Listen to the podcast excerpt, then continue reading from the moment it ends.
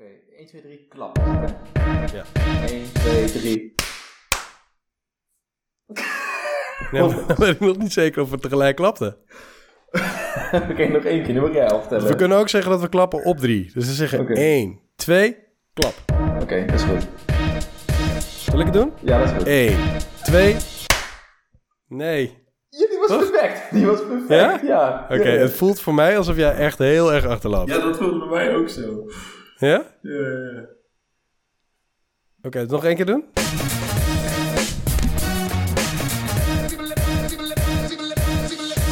Welkom bij een nieuwe aflevering van De Geldvrienden. Een podcast voor onze vrienden waarin we de geheimen delen die van jou een financiële eindbaas maken. Wij vechten tegen iedereen die je qua geld naait.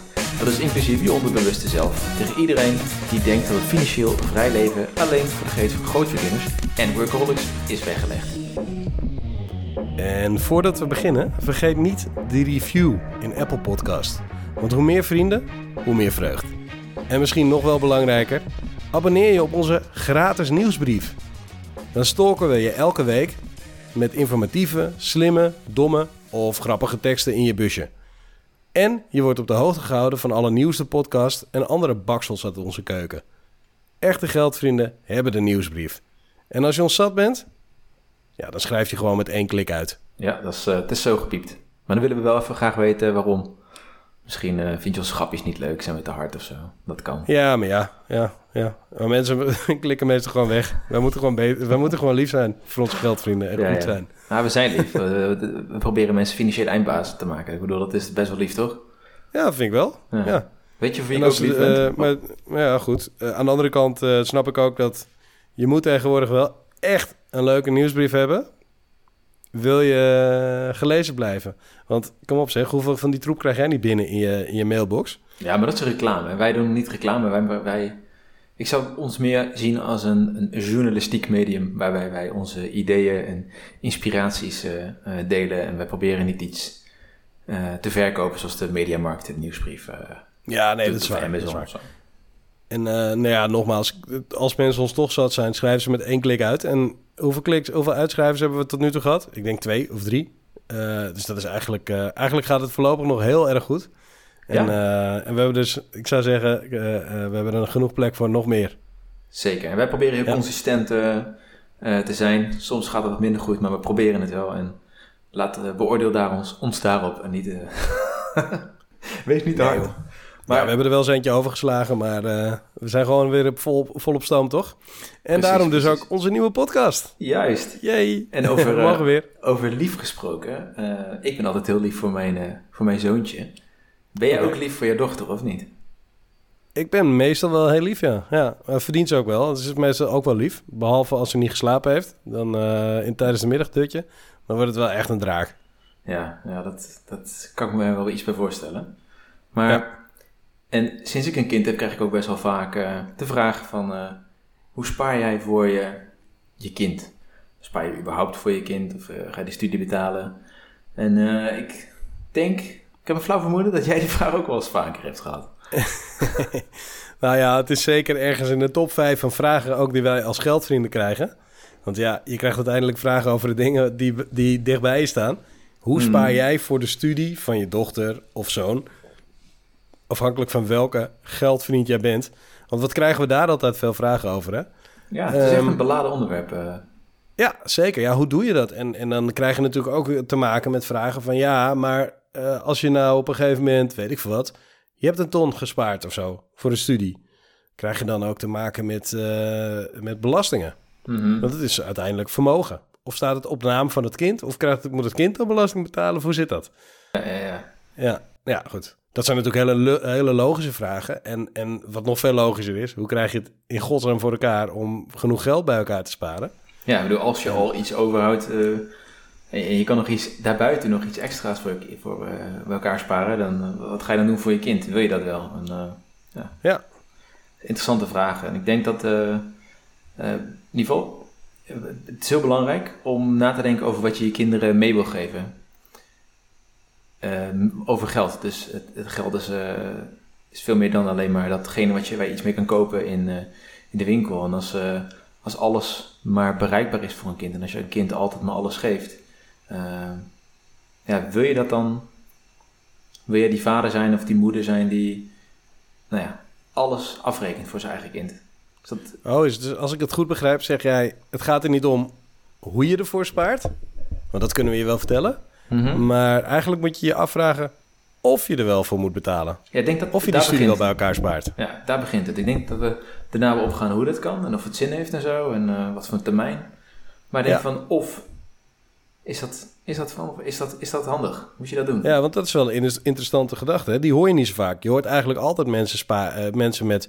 Uh, het gaat altijd over wat voor, wat voor doelen heb je en hoe ga je er naartoe? Ga je ervoor beleggen? Ga je ervoor sparen? Ja, ja. dat kennen we natuurlijk. Er zijn heel, heel veel hele goede en belangrijke vragen.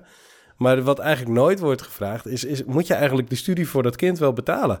Heeft dat wel, is dat wel een slim idee? Moet je wel die studie betalen? Want, want stel, hè, je, je verdient uh, weinig. Je, maar, je, je kan maar net... Uh, je zit zelf in de schulden.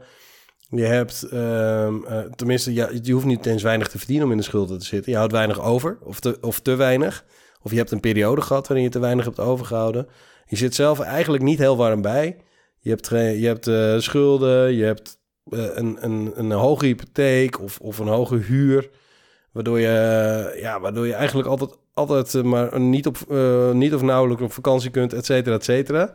En dan zou je dan vervolgens wel honderden euro's opzij leggen iedere maand om, te om, te om de studie van je kind te betalen. Ja, dat is niet echt wat een financiële eindbaas zou doen, zou ik denken. Als je het zo ja, nou ja, dan komt het erop neer dat zo'n kind dus opgroeit met iemand die zijn hele leven in de, in de geldproblemen zit. Mm En dan vervolgens een, een, een bak geld uh, tot, de tot zijn of haar beschikking krijgt uh, om van te kunnen studeren. Um, en ja, weet je, dat, je, dat, je, dan krijg je een situatie die, die eigenlijk best wel gek is. Je bent helemaal niet per se um, verantwoordelijk voor het sparen van, van de studie van, van, van kinderen, toch? Nee, nee, het is je, eigen geld, dat is je eigen recht. Het kind heeft eigenlijk helemaal geen, geen recht op dat, dat, dat, dat, uh, dat jij maar die studie betaalt. Ik denk dat het uh, uh, heel dom is om alles maar voor je kind te willen sparen. Als je zelf inderdaad niet rond kan komen. Dan moet je eerst je, dat spul maar op orde hebben. En zelfs als je je eigen spul op orde hebt, je kan wat opzij leggen. Je kan een beetje, je bent aan het beleggen. En, je hebt eigenlijk je, je, gouden regels van je vrienden aan het volgen. dan, moet je, dan moet je zelf de vraag stellen van wil ik voor mijn kind sparen? En wat is het doel? Wat wil je ze, wat wil je ze meegeven? Ik denk namelijk dat je je eigen geluk uh, als eerste komt. Je moet eerst zorgen voor jezelf en dan kan je zorgen voor je kind. Ik zou bijvoorbeeld niet uh, voor mijn kind sparen en mijn kind een ton meegeven als dat betekent dat ik zelf niet eerder kan stoppen met werken. Ja. Ik wil dat mijn kind uh, kansrijk opgroeit, maar ja, dat is niet alleen geld, dat is ook gewoon de buurt waarin je gaat wonen. En de school, ja. dat hij überhaupt naar school kan gaan bijvoorbeeld. En, ja, want precies. we hebben toen ook eens een keer in, in een nieuwsbrief erover gehad. Er was een vraag over gekomen hè, van of dat wel een goed idee is. Um, ja, nee, uh, niet altijd. Want stel, want dat kind, denk je dat die straks jou in huis neemt en alles voor jou betaalt als je een pensioen gehad hebt? Nee, ik denk het niet. nee, toch? Nee, ik zou, ik zou het zeker niet doen. Nee, nee ik denk niet. Uh, ik, ik, ben bang dat ik niet mijn ouders in huis had genomen ergens op mijn twintigste op het moment dat bleek dat zij een pensioen gehad hadden. Trouwens, dat, is, dat was nog een beetje te vroeg, maar dat zou ik nu dus ook niet doen. Mhm. Ehm, omdat zij een pensioen gehad zouden hebben. Terwijl zij dus ondertussen dan wel gespaard zouden hebben voor mijn studie. Dat is eigenlijk best wel heel oneerlijk.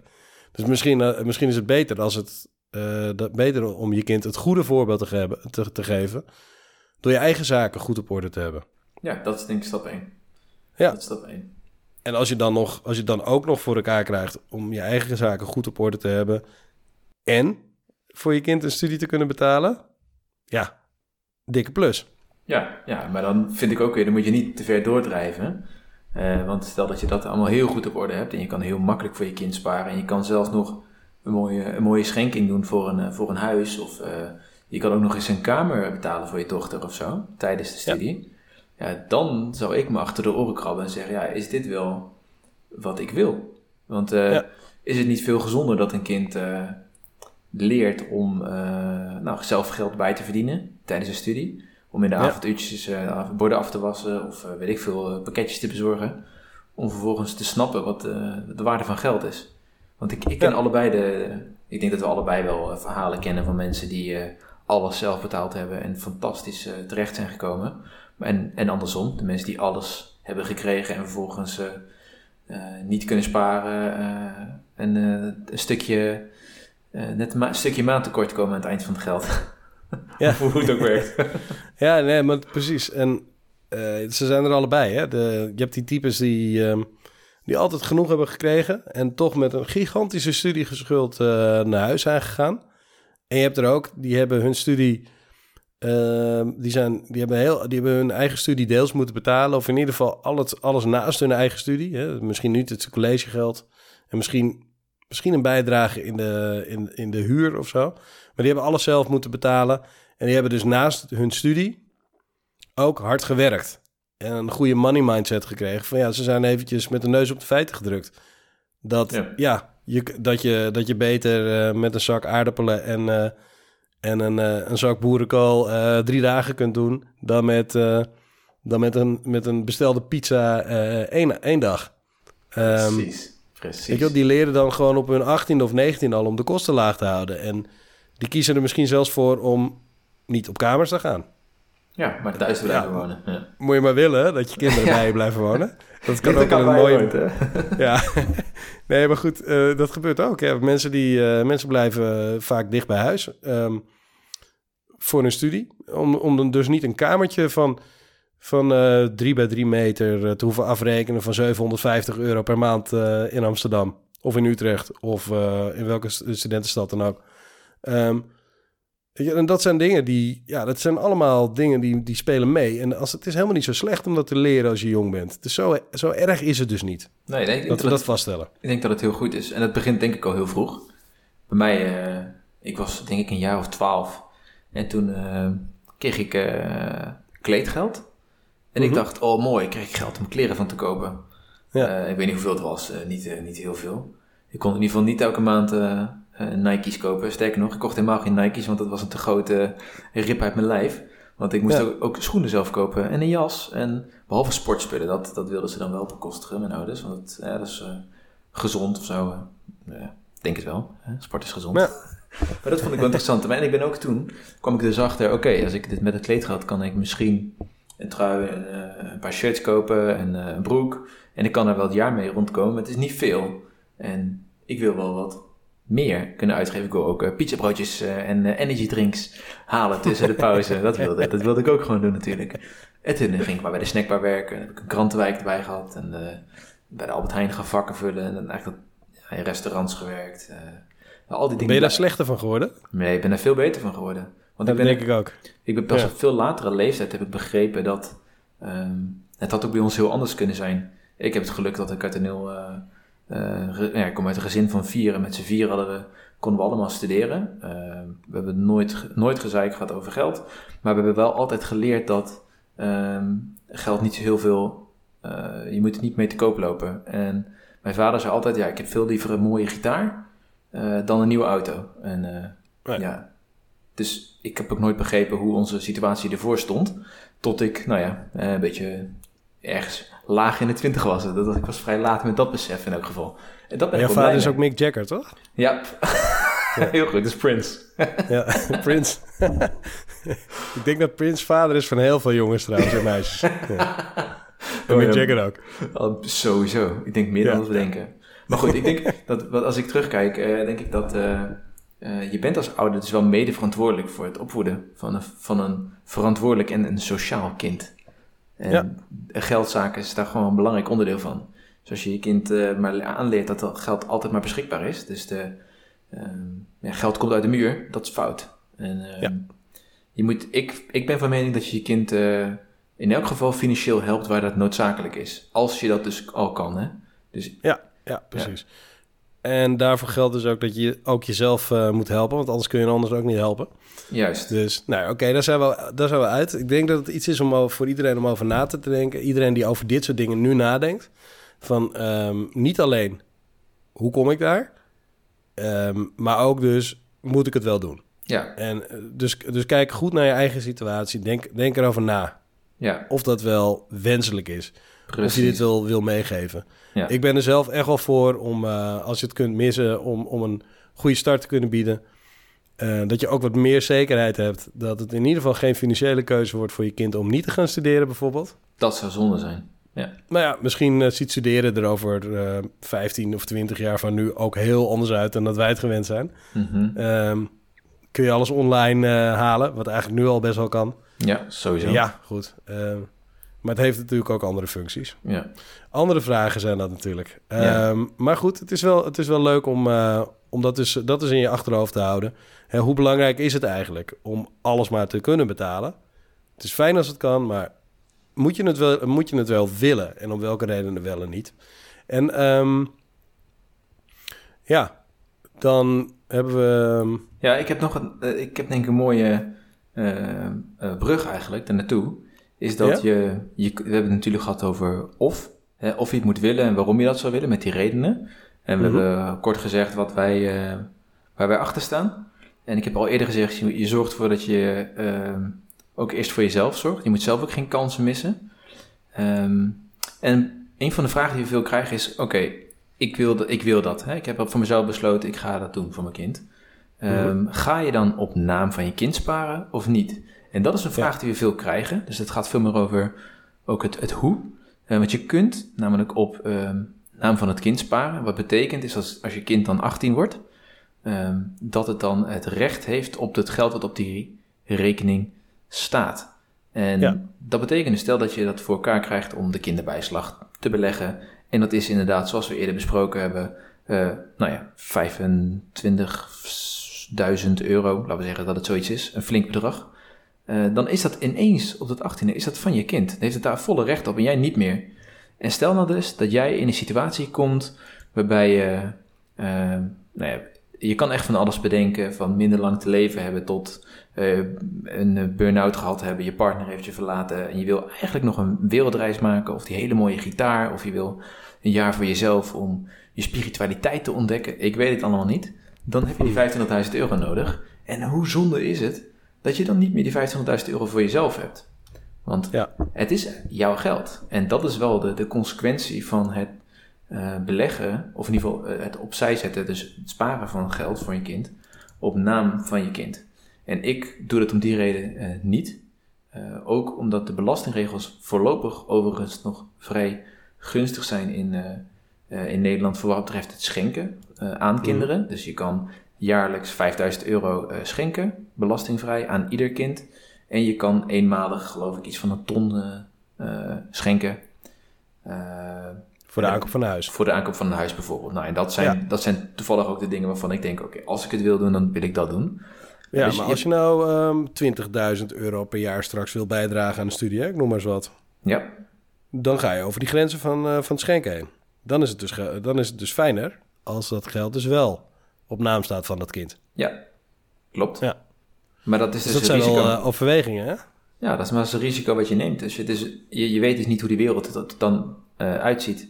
En ik denk dat die, eh, dat die grenzen vrij, ja, vrij goed zitten. Je kan eh, 5000 euro per jaar schenken. Ik vind dat vrij, vrij netjes. Ja, oké. Ja. Maar goed, dat is iets om over, over na te denken. En die belastingregels gaan we het eh, zeker Nou ja, nog het een is keer goed dat je dat weet in ieder geval. Hè? Dat is, dus eh, je kunt ervoor kiezen om het op je eigen naam te sparen en dan te schenken.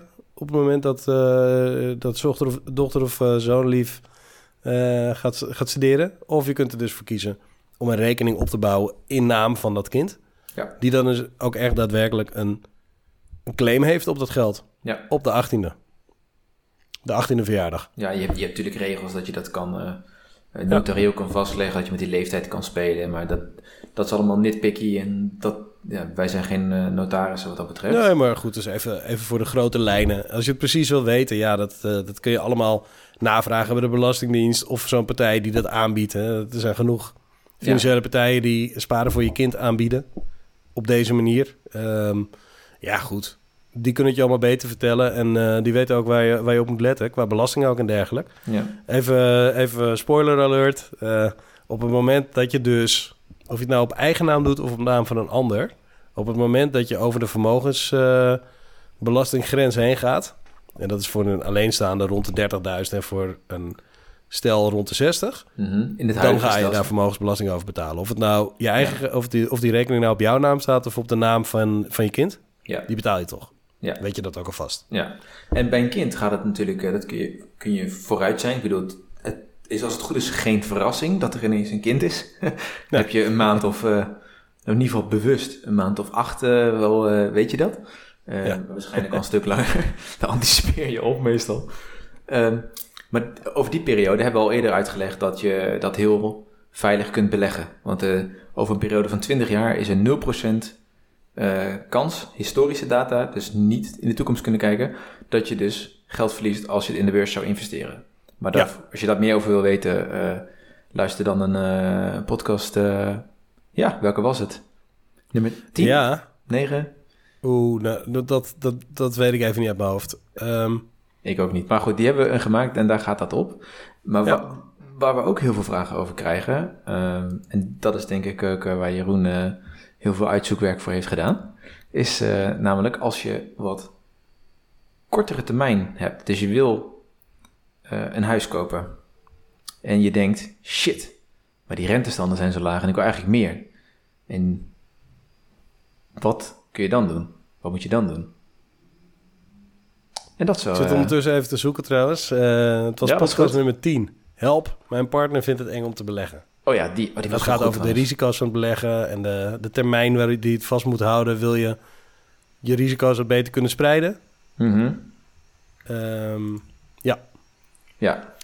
Maar nu naar Dus had Klaas. Hè? dus nummer 10. Help, mijn partner vindt beleggen eng of mijn lief vindt beleggen eng. Ja. Eh, gaat die luisteren over, de, eh, over die risico's. Ja. Ehm, en over de korte termijn eh, vraag van Klaas. Daar kun jij vast wat meer over vertellen, Jeroen. Want eh, jij hebt eh, de vraag gekregen. ja, ik heb, ehm, ik heb een vraag gekregen van Klaas. En eh, jij, jij vroeg me laatst, stelt Klaas vaak vragen? ik wist dat je hem ging doen. Nee, maar Klaas die vroeg of... eh, die, zei, die, had, die had de vraag doorgestuurd. Ik was aan het sparen, maar verdien er niks meer op. Klaas die weet het inmiddels ook. Eh, het is geen geheim. Rente is niks. Daarom wil ik nu gaan beleggen. Ik wil namelijk over een jaar of vijf een huis kopen. Maar hij wil dus beleggen met, in plaats van sparen. Ehm, en dat is verdomd lastig bij elkaar te sparen met deze lage rentes. Nou, oké. Zeker ook omdat je de kosten koper niet meer mag meefinancieren. En dat is al 6% gemiddeld. Nou, hij stelt meerdere vragen eigenlijk, hè, als je hierover Mhm, eh, terugdenkt. Ehm, hij heeft het over de kosten koper. Wat is dat dan? Eh, nou ja, er wordt meestal gerekend met 6%. Hè? Dus als je dan een huis neemt van in je hoofd van 350.000 euro. Hè? Een beetje zo. Helaas is dat een beetje een, een bedrag wat je moet betalen Gemiddeld, voor, een, ja. voor ofwel, ofwel een huisje waar je met een kleine familie in kan wonen, of met twee. Of eh, misschien, misschien neem ik het te hoog hoor. Je mag ook een ander bedrag bedenken. Maar ik zit in mijn hoofd met een. Volgens mij is dat ongeveer het gemiddelde wat een huis tegenwoordig ko- kost. Ehm, het gemiddelde koophuis 350.000 euro. Misschien, misschien nog wel meer. Daar heb ik maar mee gerekend. Als je daar 6% van neemt, dan is dat 21.000. Toen heb ik nog even gekeken, waar komt die 6% eigenlijk vandaan? Want ja, dat wordt een beetje aangenomen. Dat kost je ongeveer 6%, moet je zelf meenemen. En ik snap niet zo goed waar dat vandaan komt. Dan denk ik altijd van, kan dat niet goedkoper? Want het is nogal wat. Elke procent die je bespaart op 350.000 euro... dat is dus 3.500 euro. Dat vind ik nogal wat. Dus, dus is ja, het is wel de dat moeite waard om... De, Hè? Dat is flink. Ik trouwens, en, en, mag ik één leuk feitje tussendoor gooien? Ja? De gemiddelde verkoopprijs in Bloemendaal. Wat denk je dat dat is? In Bloemendaal, gemiddelde Ja. verkoopprijs. In 2017. hè? Ehm, wat zeg je? in 2017. In 2017. Mhm. Oh, oké. Weet ik veel. 700, ja, 776.000 euro. Oh, wauw. Ik ben wel Oh, trots. Ik zit er maar 24.000 naast. Ja, hier, maar 24.000 euro. Wel een flink Ja, bedrag. ik echt serieus wel... eh, ik ben wel trots op mezelf. Ja. Ik geef mezelf even een virtuele schouderklop. ja, ik geef hem ook virtueel via de camera. Dankjewel, man. met, Super eh. Met corona. hey, maar we hadden dus eh, even over, die, over waarom je 6% moet betalen op zijn... 6% moet je tegenwoordig meenemen. Dat is gewoon shitload geld, man. Mhm. Holy shit. Als je dus 3,5 ton eh, wil... Een huis van 3,5 ton ko- wil kopen... moet je eerst 21.000 euro bij elkaar sparen. Dat is geld, hè? Hoeveel, En waarom eh, is dat eigenlijk 6%? Kan het niet goedkoper zijn? Nou, oké, de kostenkoper. Ik heb het eh, van de hypotheker.nl. Dus als het niet klopt, weet je wat, bel hun. Jazeker. Gewoon, eh, nee, zeker, er klopt niks van. Aha. Eh, de overdrachtsbelasting, 2000, of, eh 2%. Die, is, die staat gewoon vast. Hè? Iedereen die een huis koopt, betaalt dat. Ja, maar vanaf 2021 niet meer. Als starter zijnde. Als starter niet meer, nee. Dat is waar, hè? Ja. En daar stond volgens mij tegenover dat als je het... eh, dat weet ik, dat staat tegenover dat als je het als belegging koopt... Ja, Als je dus een, als je dus een beleggingsdoel pand. hebt, eh, voor de verhuur bijvoorbeeld... dan betaal je 8%. Ja, dat is 2% meer dan nu, toch? Ja. Eh, maar dat is dus wel alleen maar voor mensen die meerdere huizen hebben, et cetera. Het is dus niet als je één huis koopt, dan word je niet gezien als een commercieel verhuurder. Uh, dan ben je niet gelijk Prins Bernhard de tweede. Nee, maar Prins Ah. Bernhard betaalt wel 8% gelukkig. Nou, die zal ook wel weer wat gevonden hebben, maar nee, zeggen. die hoort het te betalen. Ja. Maar eh, wij, normaal gesproken, als je dus niet je eerste huis koopt, betaal je 2% van de koopsom. Mhm. Eh, dat is 4000 euro. Eh, nee, sorry, dat is eh, in een geval, dat is niet 4000 euro, dat zeg ik fout. Dat is in het rekenvoorbeeld van de hypotheker 4000 euro, maar die rekenen met een huis van 2 ton. Dus laat dit bedrag maar weg, maar je betaalt 2% overdrachtsbelasting. ja. Dan heb je notariskosten. ja, die heb je Nou, dat, altijd. is, dat is een richtprijs, ze zeggen 1000 euro. Oké, komt die, gouden tip.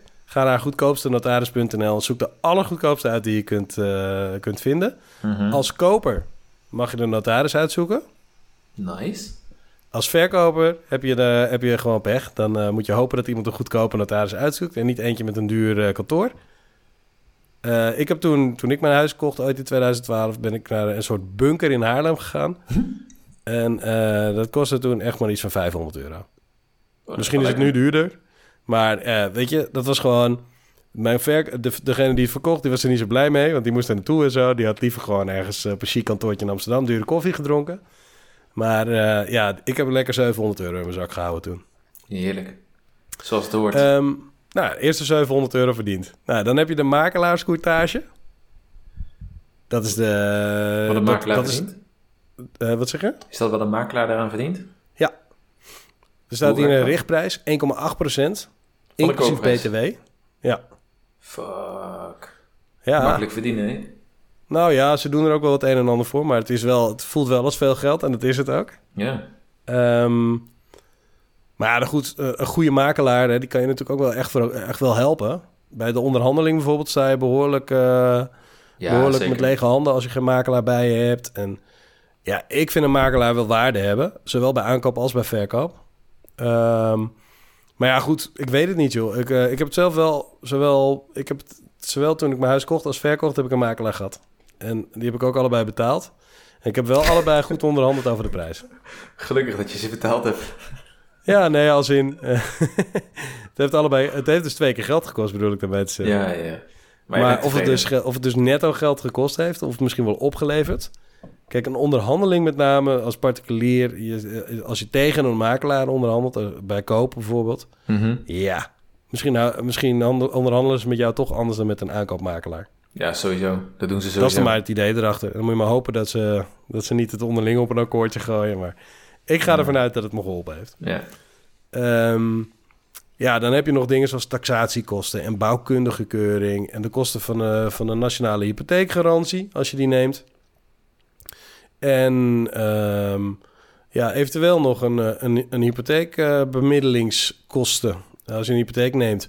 Dus dat zijn allemaal kosten die kun je, die kun je maken. Ik denk zelf dat je, als je, het, dat je van die 6%, dat je er best 5 kan maken. Ja. Nou, het Als je het een beetje slim uitspeelt en je, gaat, je doet je best om, om, een goed, eh, om, om, goe- om een goedkopere makelaar te vinden die gewoon goede recensies heeft. Weet je wel. Er staan zelfs op Funda recensies voor. Eh notarissen, hetzelfde verhaal. Ja, ik denk best wel dat je er wat van af kan snoepen. En daarbij, je zegt iets nuttigs. Vanaf volgend jaar is dus de overdrachtsbelasting bij eerste woning afgeschaft. Dus 0%. Ja. Dat kan dus ook al 2% schelen. Dus je zou misschien zelfs wel op 3% kunnen uitkomen. Oh, dat klinkt een keer een stuk beter. Ik voel Ja, me gelijk al beter, Jeroen, dankjewel. Ja, maar Maar- we moeten het wel bij elkaar sparen. Zeker, maar moeten we Klaas nog even antwoorden? Ja, klopt. Voordat we eh, hierin blijven hangen natuurlijk, hè? Ja, nee, tuurlijk. Ik hou, ik hou je Ehm, scherp, hè? Dat is, de dat is mijn rol nu. Ja, nee, dat is heel, dat is heel belangrijk, want anders, anders wordt het helemaal niks. Dan blijf ik maar uh, ouwehoeren. Inderdaad. maar ehm, ja, goed, nu we een beetje weten hoe een hypotheek... eh, wat je dus zelf mee moet nemen aan eigen geld... ehm, weet je ook dat je een bedrag hebt om bij elkaar te sparen. En als je dat, als je dat wil sparen, dan ben je best een hoop geld per maand verder. Ja. Wil je, zou je bijvoorbeeld wel 6% willen bij elkaar sparen op die 3,5 ton... is dat 21.000. Mhm. En als je dat wil sparen in vijf jaar... Ik heb eerder de rekenmachine er al bij gepakt, dus dat klopt. 350 per maand. Wauw. Ja, 350 per maand is gewoon een bak geld. En Ja, Klaas denkt nu dat hij dat dus beter kan doen door te beleggen. Zeker, die, Theoretisch die is kans dat bestaat. Ja.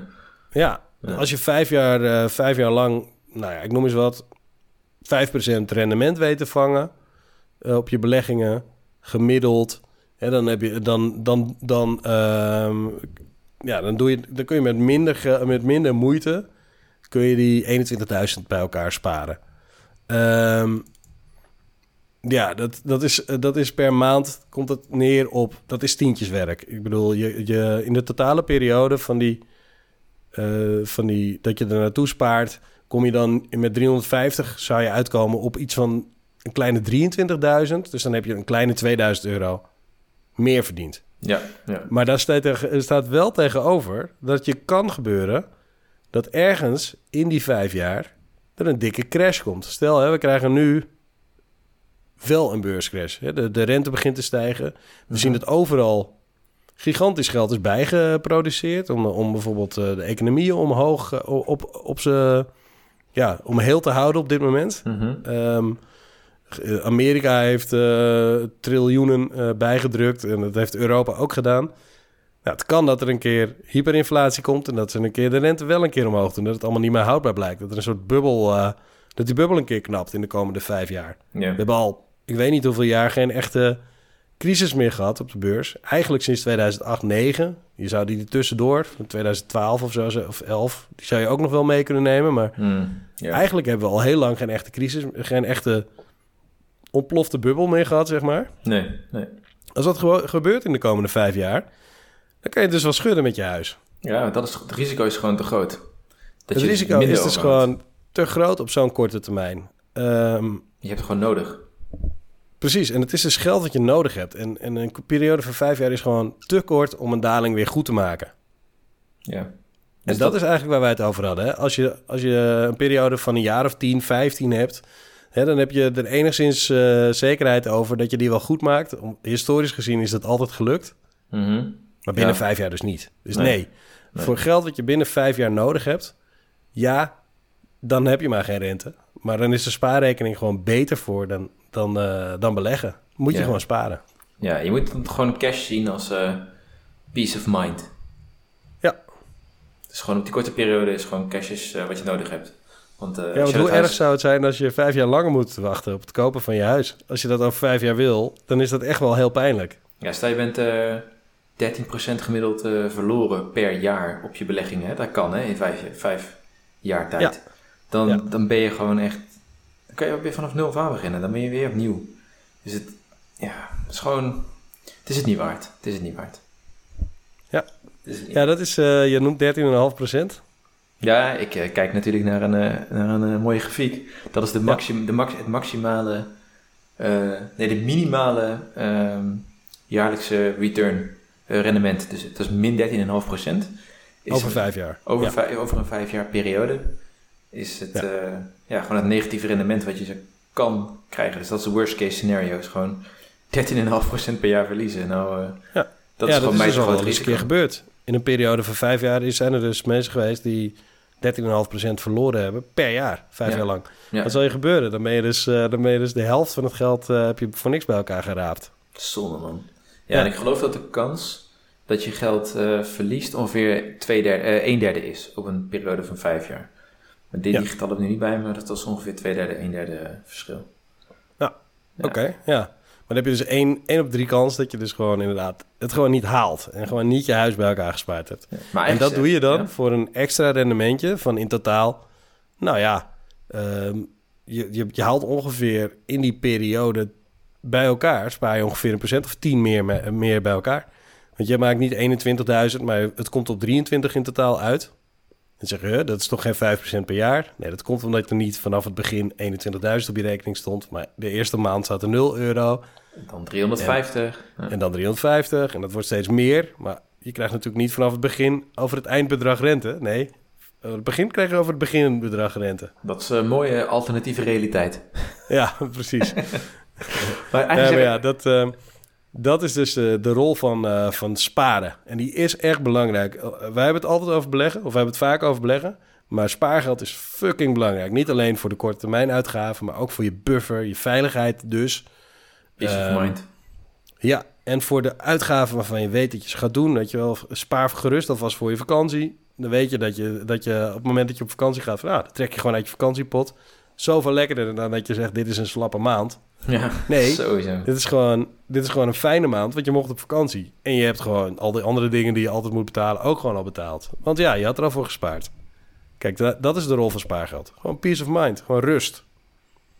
Ja, en daarmee, eh, en daarmee basta. Dus Klaas, Precies. sorry. Je moet, eh, je moet niet gaan beleggen met, eh, met eh, op die korte termijn. Je mag het doen als je meer hebt. Als je meer dan 350 euro in kan leggen, be my guest en al het excess na 350 euro ga je lekker beleggen. Eh, helemaal goed. En eh eh, eh, Hosanna als dat ook uiteindelijk positief is na vijf jaar.